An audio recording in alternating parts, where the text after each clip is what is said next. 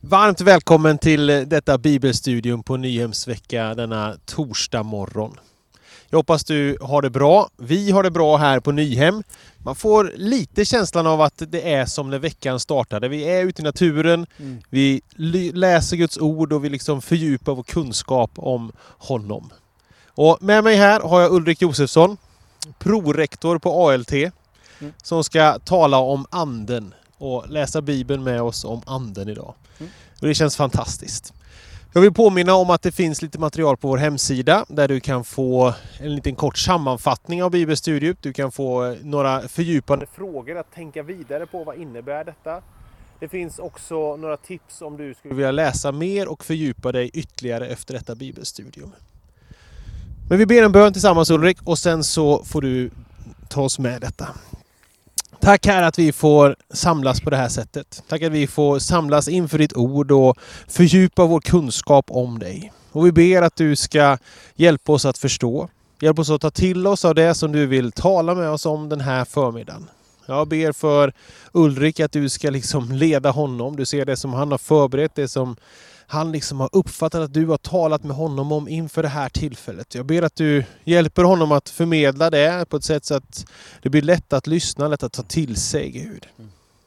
Och vi ber att, att vi får se en större bild av vem du är Gud. Den här förmiddagen. Hjälp oss att få liksom en förstorad förståelse. Herre, det ber vi om i ditt namn. Amen. Gott härligt att vara på plats här på Nyhem. Ja, det vill säga, jag är ju här på Nyhem och några andra till och du sitter där du sitter. Men eh, här i området har så många människor genom så många år gjort så många starka andliga erfarenheter.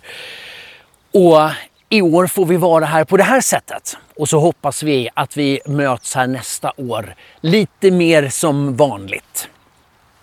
Vi har ju vandrat genom bilden av Guds storhet under de här bibelstudierna och närmat oss Guds väsen med kyrkans bekännelse om Gud som fader, son och som ande. Och idag handlar det om anden. Och jag har fått förtroendet att vandra tillsammans med oss in i de bibliska texterna. Hemma i vår hall, i huset där jag bor med min familj, där står eh, två bänksitsar hämtade från eh, ett kyrkbänksparti i Philadelphia kyrkan i Stockholm. De har gjort en alldeles strålande renovering utav det här gamla templet. Den här fantastiska kyrkobyggnaden.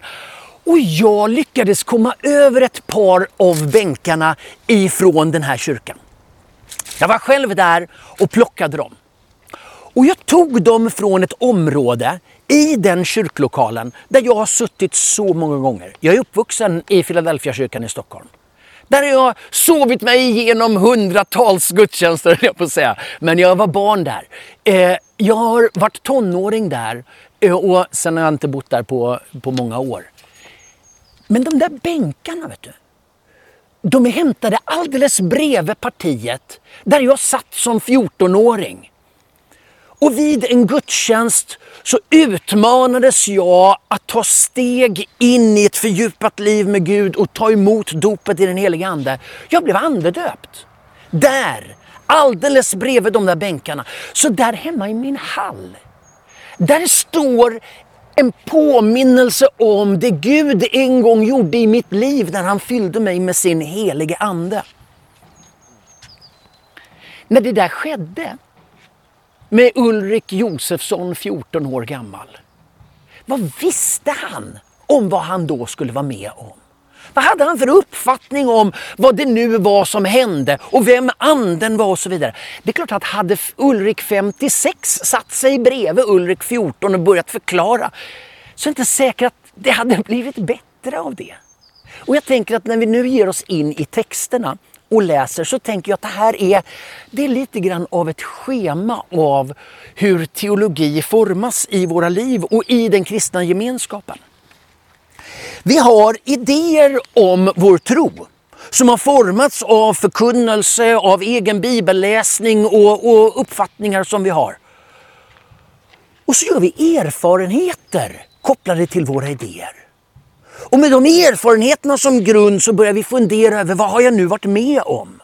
Och så funderar jag, reflekterar, går till bibeltexterna, fördjupas i min förståelse, har en bättre grund för nya erfarenheter. Det innebär Teologi är inte en statisk ett och noll och, och bara liksom så här ligger det till. Utan teologi det är en levande storhet i mötet med denne Gud som spränger alla våra gränser. Som rör sig bortanför vårt förstånd. Det gäller teologin i allmänhet. Det gäller Gud i synnerhet och kanske allra mest när vi närmar oss frågorna om den helige Ande. Och jag skulle vilja ta er med in i en av texterna om mötet med den heliga Ande. Och vi hämtar texten ifrån Apostlagärningarna, det andra kapitlet. Eh, och vi läser lite brottstycken från hela kapitlet men vi fokuserar särskilt på verserna 36 till 42. Så här står det i Guds ord. När pingstdagen kom var de alla församlade. Då hördes plötsligt från himlen ett dån som av en stormvind och det fyllde hela huset där de satt. De såg hur tungor som av eld fördelade sig och stannade på var och en av dem. Alla fylldes av helig ande och började tala med andra tungomål, eh, med andra tungomål, med de ord som anden ingav dem. Och då reagerar ju folket och, och, och så säger de så här. Men vi har ju kommit hit från Rom. Vi är både judar och proselyter, vi är kretensare och araber. Och ändå hör vi dem tala på vårt eget språk om Guds stora gärningar. Och i det läget så börjar Petrus predika och så får vi en lång predikan där i Apostlagärningarna 2. Och så står det så här ifrån den 36 versen. Hela Israels folk ska alltså vara fast förvissade om att Gud har gjort honom till Herre och till Messias, den är Jesus som ni har korsfäst. Orden träffade dem i hjärtat och de frågade Petrus och de andra apostlarna, bröder, vad ska vi göra? Petrus svarade, omvänd er och låt er alla döpas i Jesu Kristi namn, så att ni får förlåtelse för era synder då får ni den helige Ande som gåva. Ty löftet gäller er och för era barn och alla de långt borta som Herren vår Gud vill kalla. Petrus vädjade till dem med många andra ord också och han uppmanade dem, se till att ni blir räddade undan detta onda släkte. De som tog till sig hans ord lät döpa sig och den dagen ökade de troendes antal med inemot 3000. De deltog troget i apostlarnas undervisning och den inbördes hjälpen i brödbrytandet och bönerna. Det här är en av de många bibeltexter där anden på ett alldeles speciellt sätt gör ett nedslag. Låt oss reflektera kort över den här texten. Det första vi kan konstatera är att saker och ting hänger samman. Olika bibelteologiska dimensioner vävs liksom samman i den här berättelsen. Det börjar med ett dån från höjden och de uppfylls av anden och de talar i tungor. Och sen ser vi hur nästan allt i förkunnelsen handlar om Jesus. Och så slutar berättelsen om hur de här människorna som har varit med om det här, de låter döpa sig. Församlingen ökas och de deltar troget i församlingsgemenskapen. Saker och ting hänger ihop. Det tänker jag är en viktig sak. Det gäller teologi, det gäller bibel, det gäller alla frågor och det gäller frågan om anden. Du kan inte bryta ut en enskild teologisk fråga och tänka ja, men nu har jag koll på det där. Nej men sakerna hänger ihop. Livet i anden, det, det hänger ihop med livet i församlingen, i livet med Gud, förankringen i Jesus. Det är sammanhållet. Den här texten visar ju också att anden hjälper oss att fokusera på det som är centrum i tron. Och följer man den här texten så är det otvetydigt så att anden kommer att fokusera på Jesus. Anden riktar vår blick mot det som är trons centrum. Talar om Guds mäktiga gärningar på alla språk som fanns närvarande. Och predikan kommer att handla om Jesus. Och det kommer leda till omvändelse och att man överlämnar sig till Jesus. Det sätter fokus. Det, det, anden är också förankrad i ett större sammanhang. Ibland kan vi bli så upptagna av andliga erfarenheter och göra det ena och det andra och har du liksom tagit emot det på det sättet. Här är väldigt tydligt att anden är förankrad i omvändelse, det är dop, det är frälsning och det är andens gåva. Omvänd er, låt er döpas så att ni får förlåtelse för era synder. Då ska ni få den heliga ande som gåva. Det är insatt i ett sammanhang av vad Gud gör i ditt liv.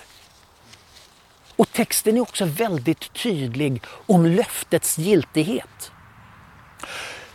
Jag vet av erfarenhet och med inte helt liten sorg att det finns ett antal människor som har vandrat genom livet och tänkt löftet gällde inte mig. Den här texten säger löftet gäller er och era barn och alla de långt borta som Herren vår Gud har kallat. Löftet om anden har en giltighet. Och jag kommer återkomma till det några gånger men jag vill gärna säga det rakt in i ditt liv.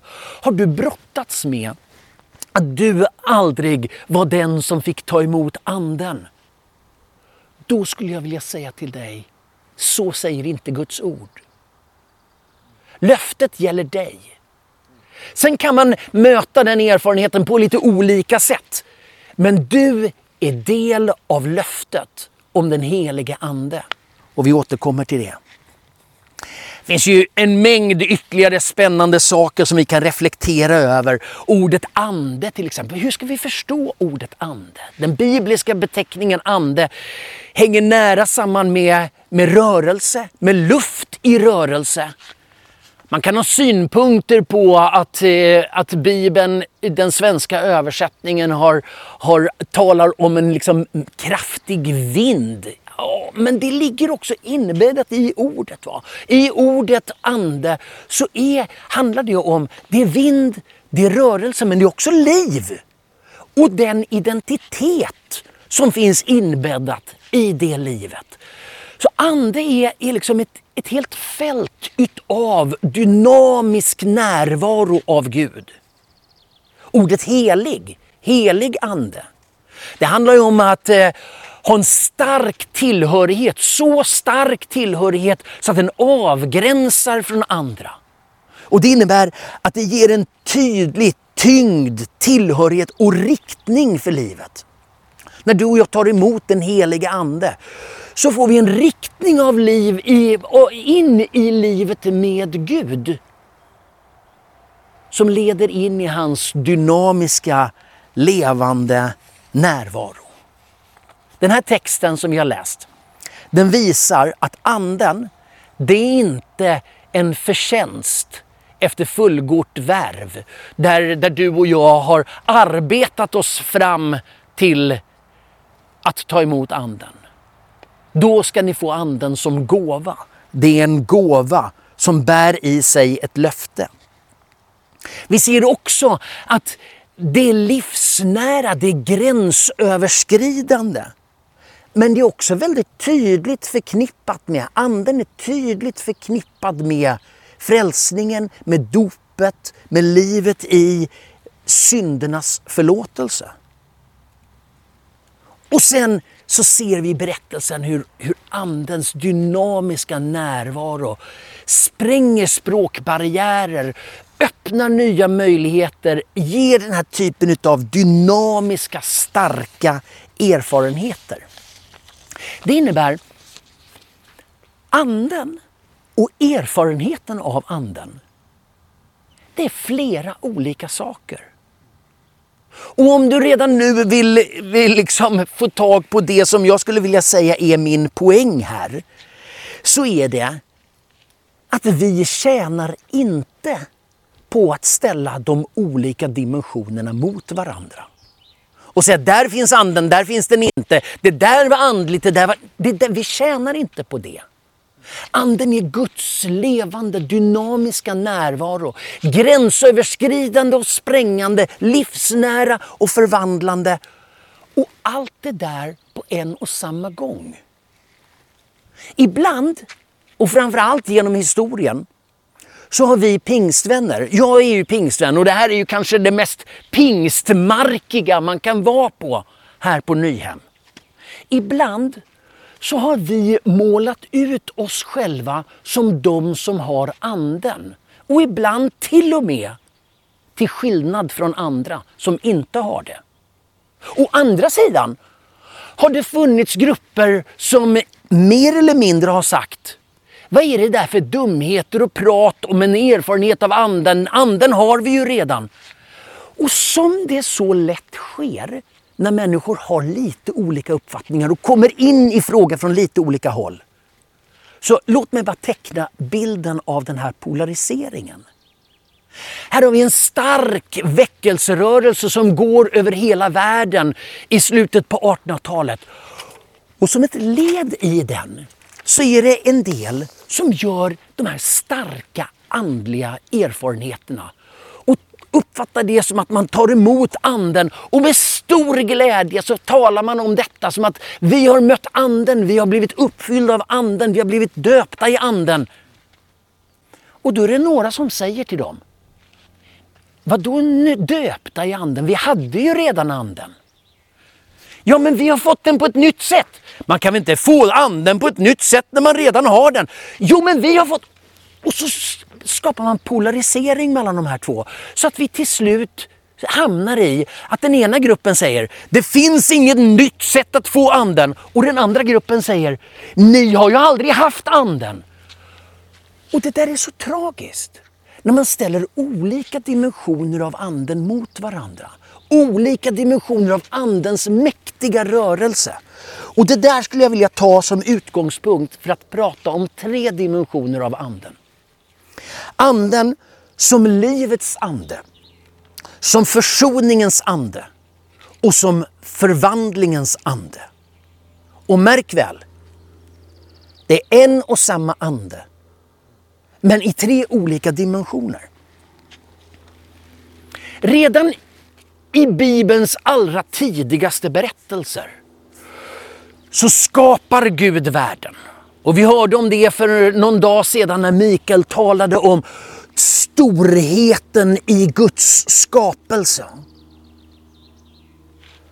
Och där, när Gud skapar människan, i den berättelse som finns i, i Första Mosebok kapitel 2 och eh, i början utav det kapitlet så står det om hur Gud tar jord från marken och modellerar en människa.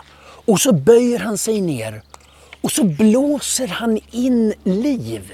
Han blåser in ande i människan och så blir människan en levande varelse. Att vara levande, det är att vara del utav Guds livgivande närvaro.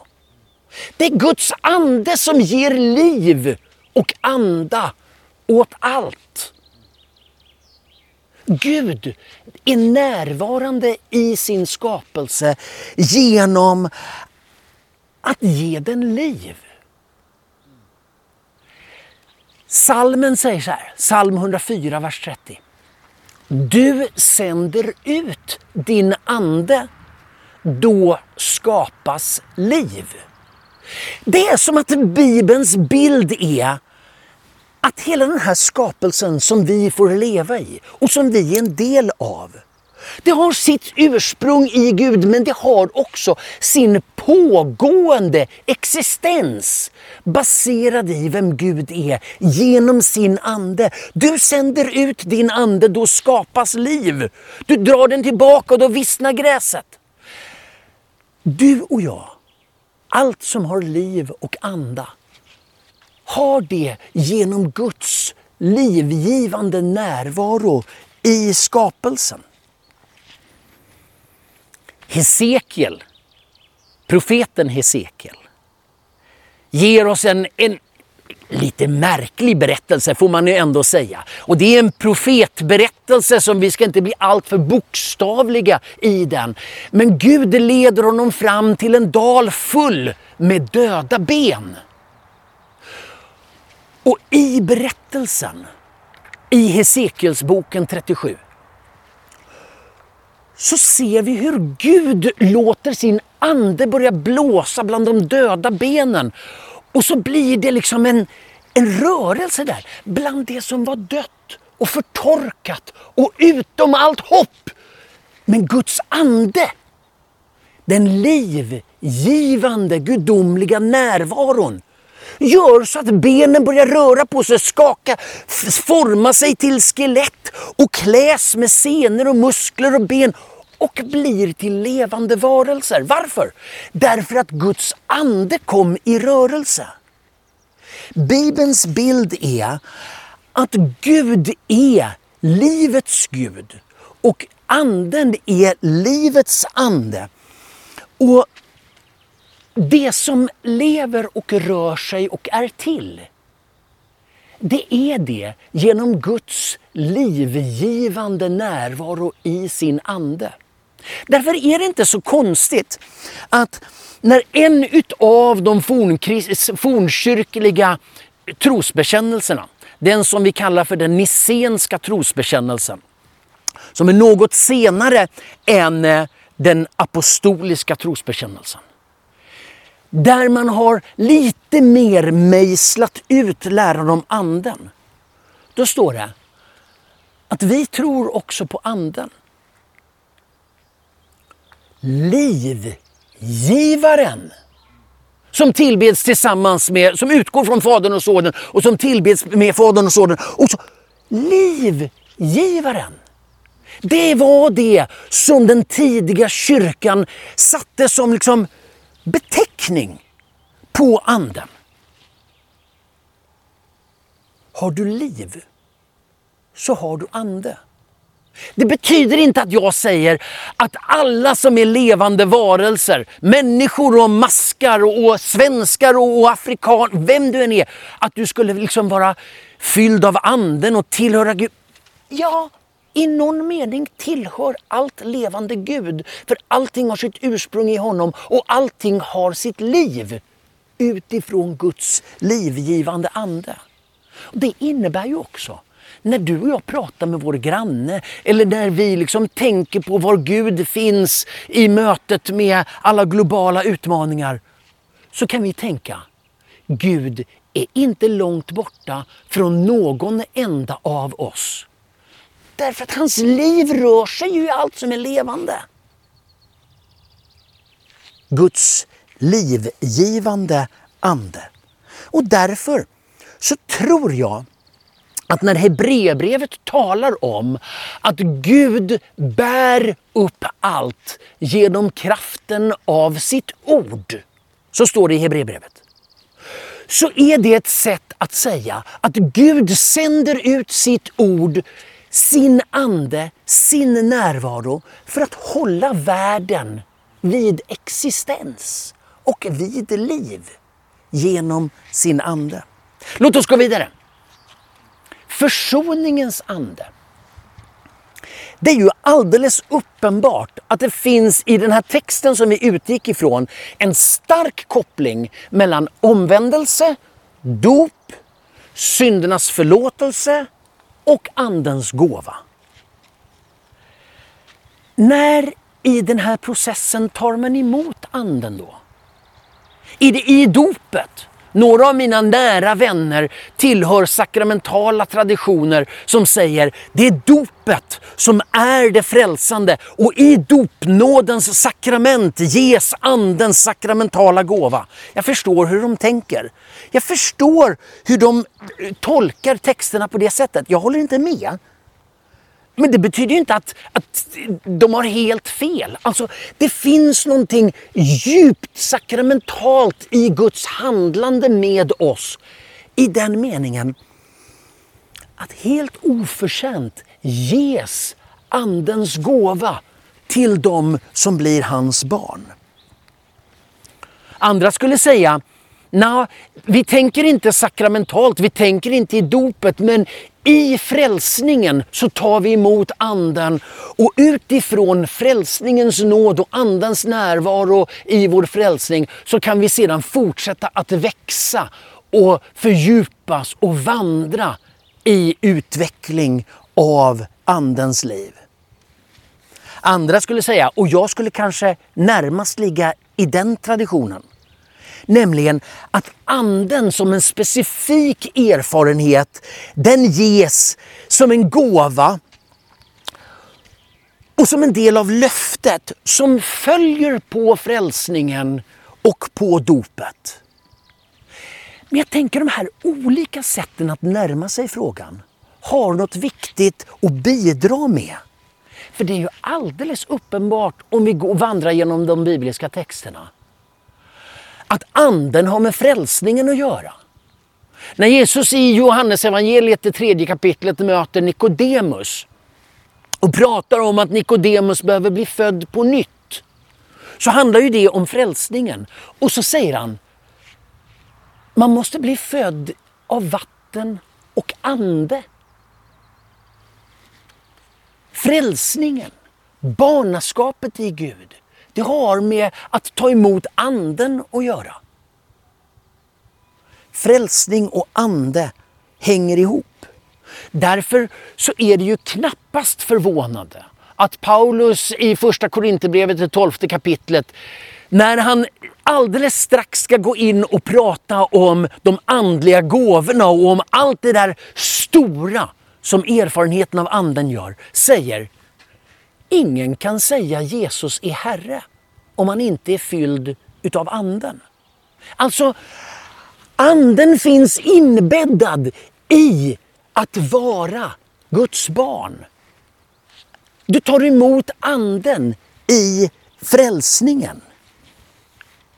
Anden, säger Johannes evangeliet är till för att visa vad synd, rättfärdighet och dom är. Eller vi har gjorts rättfärdiga genom Jesu namn och genom vår Guds ande. Anden är verksam i vår frälsning. Ett av mina favorittexter, det är ju man ska inte ha favorittexter kanske, men alltså, som jag återvänder till ofta, det är Romarbrevet, det femte kapitlet. Då vi nu har gjorts rättfärdiga har vi frid med Gud genom vår Herre Jesus Kristus. Så inleds det femte kapitlet. Och så vandrar vi med texten om, om hur, hur liksom tron fördjupas genom ett antal mognadssteg. Och så i femte versen så står det att och hoppet sviker oss inte. Ty Guds ande har in, ty Guds kärlek har ingjutits i våra hjärtan genom att han har gett oss den helige Ande. Alltså, Anden är ingjuten i våra hjärtan som en del utav frälsningen. Vidare talar Paulus om hur Anden blir ett sigill, eller här används lite olika ord. Det används sigill, insegel, borgen, pant. Lite olika översättningar, lite olika texter. Men själva poängen är den att den frälsning som vi har fått genom att vi har blivit Guds barn. Den är förankrad i att anden bor i våra liv. Och den inneboende närvaron av Guds dynamiska liv och livgivande ande, den blir som en garant för att det här är inte något tillfälligt. Det här har evig giltighet. Anden är nära förknippad med vår frälsning. Så anden finns i skapelsen och hela livet. Anden finns i vår frälsning. Men att stanna där, det vore, tycker jag, och enligt bibeltexterna, att förminska anden. Så, anden som förvandlingens ande. Jag refererade förut till Hesekiel om texten om de eh, döda benen. Och så blev det ett rassel och ett gny stod det i gamla översättningar. Jag är så gammal så att jag hänvisar till gamla översättningar här ibland. Det blev ett rassel och ett gny, det händer grejer. Det är ju inte förvånande. När Guds dynamiska och livgivande närvaro är i, rörelse, ja, då händer det grejer. Då blir det liksom liv och rörelse. Och gränsöverskridande erfarenheter av Guds storhet manifesterad i vår tillvaro. I Apostlagärningarna, det första kapitlet, så sägs att apostlarna ska vänta i Jerusalem tills de får den heliga Ande och kraft. Men ni ska få kraft när den heliga Ande kommer över er. Inte bara barnaskap, inte bara möjligheten att leva i denna fantastiska skapelse. Men ytterligare en dimension av Andens närvaro är att få bli beklädd med kraft från höjden, för att tala med lite så här gammalt väckelsespråk. Uppfyllelsen av Anden, det förvandlar. Tänk den här texten där vi började i Apostlagärningarna 2. Där sitter de här lärjungarna rädda, skakar som asplöv. Och så kommer anden. Och plötsligt öppnas dörrarna. Frimodigheten är där. De slår upp portarna och ut på torget och de talar på alla språk som fanns tillgängliga och som de inte ens kunde. Men anden gjorde det möjligt. Den här förvandlande närvaron. Guds dynamiska och livgivande närvaron som den stora gåvan. Och låt mig då gärna säga. Jag uppfattar att Bibeln är ganska tydlig med att det här är en relationell sak. Det här är en relation till anden som person. Det är inte en magisk kraft för att få lite, lite sprak och dunder i den kristna tron. Det är anden som är den stora gåvan. Men när anden rör sig, ja då kommer de döda benen till liv. Då får de räddhågsna frimodighet. Och då har de tallösa plötsligt ett språk. Då händer saker. Andens dynamiska gåva. Efesebrevet betonar att det här, det är inte någonting som är en grej och sen så är vi klara med den. Vet, när, jag var, när jag var ung, då var det, jag vet inte var den traditionen kommer ifrån egentligen, men då var det, då var det populärt. Då skulle man liksom skriva upp så här, frälst och så datum, döpt och så datum, anddöpt och så datum. Och så kunde man liksom ha de där tre punkterna i sitt liv och så här, yes, nu har jag det. Nej, men det, är långt ifrån, det är långt ifrån Bibelns undervisning. Bibelns undervisning är väldigt tydlig med att det här är någonting pågående. Låt er uppfyllas av anden, säger eh, Paulus i Efesebrevet 5 och 18. Se till att förnyas genom anden i Efesierbrevet 4 och 23.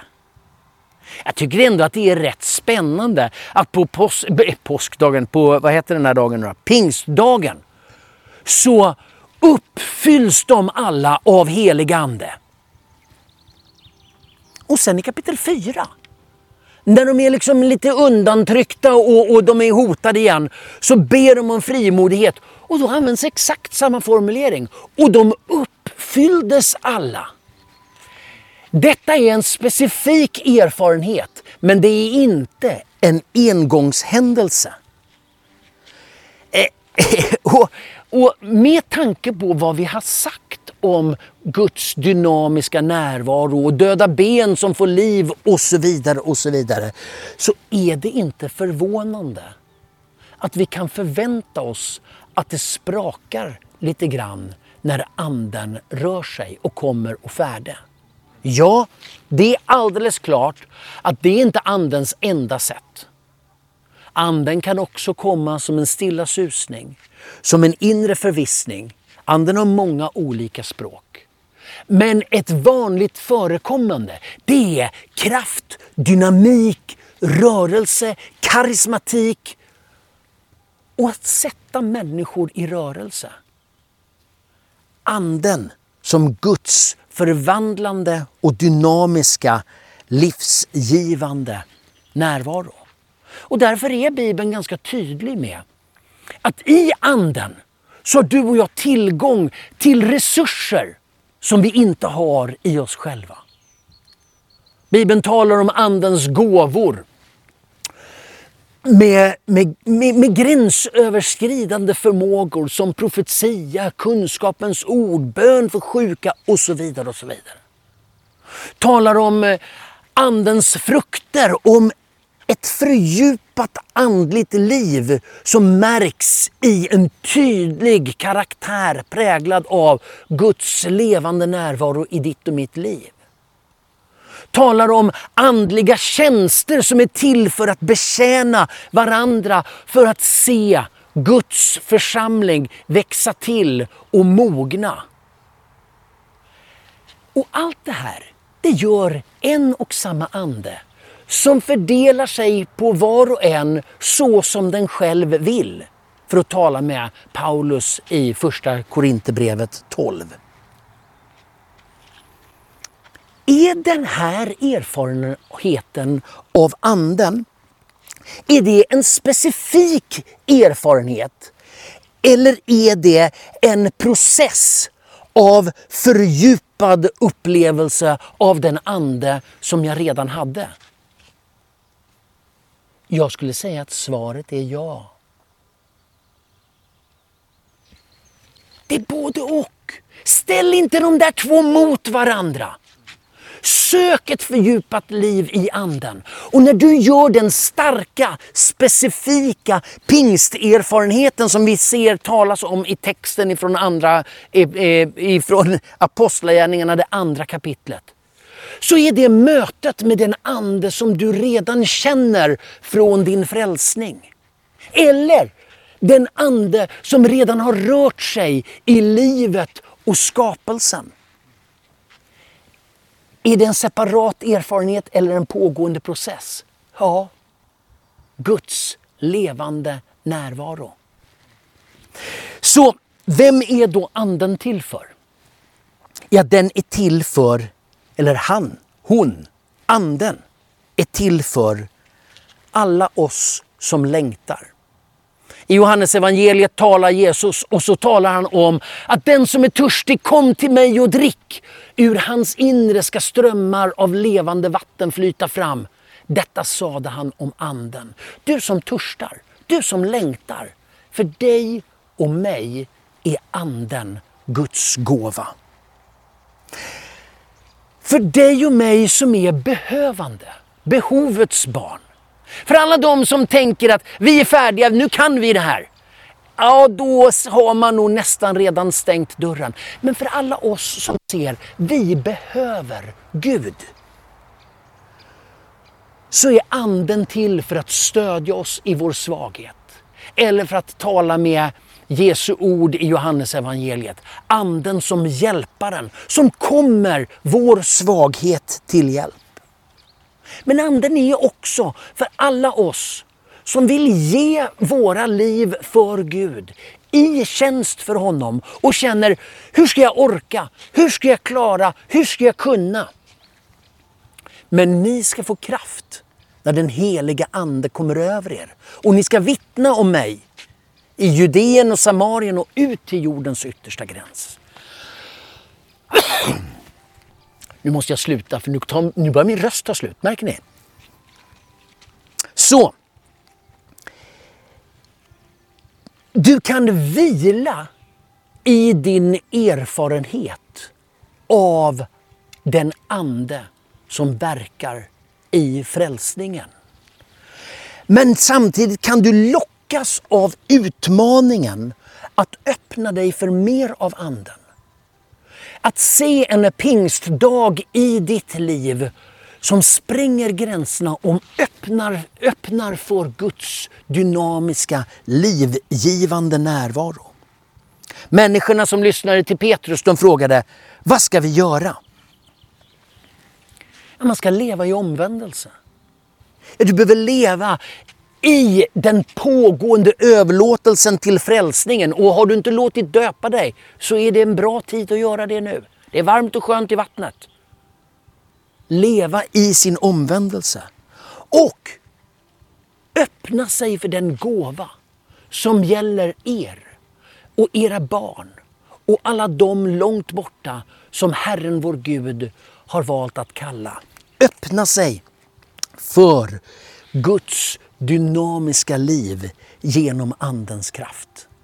Gud välsigna dig i att leva i närhet till denna Gud, storhetens Gud som kommer oss nära och som vill vara med och bära ditt liv och förvandla ditt liv och genom ditt liv bidra till att förvandla den här världen. Ska vi be tillsammans? Herre, vi tackar dig för din nåd. Fader, Son och Ande. Du som kommer till oss och är oss nära. Du som bär oss i din kärleksfulla hand. Du som som Fadern öppnar dina armar och innesluter oss i din kärlek. Du som kommer till oss och blir sårbar och föds i en liten krubba. Du som öppnar våra stängda dörrar och för oss ut på torget och ger oss ett nytt språk för att tala om dina mäktiga gärningar. Vi tackar dig för din storhet, Herre. Vi tackar dig för din närhet och vi tackar dig för alla de möjligheter som du genom din närvaro i våra liv ger oss av nåd. För ditt namns skull ber vi. I Faderns, i Sonens och i den heliga Andes namn. Amen.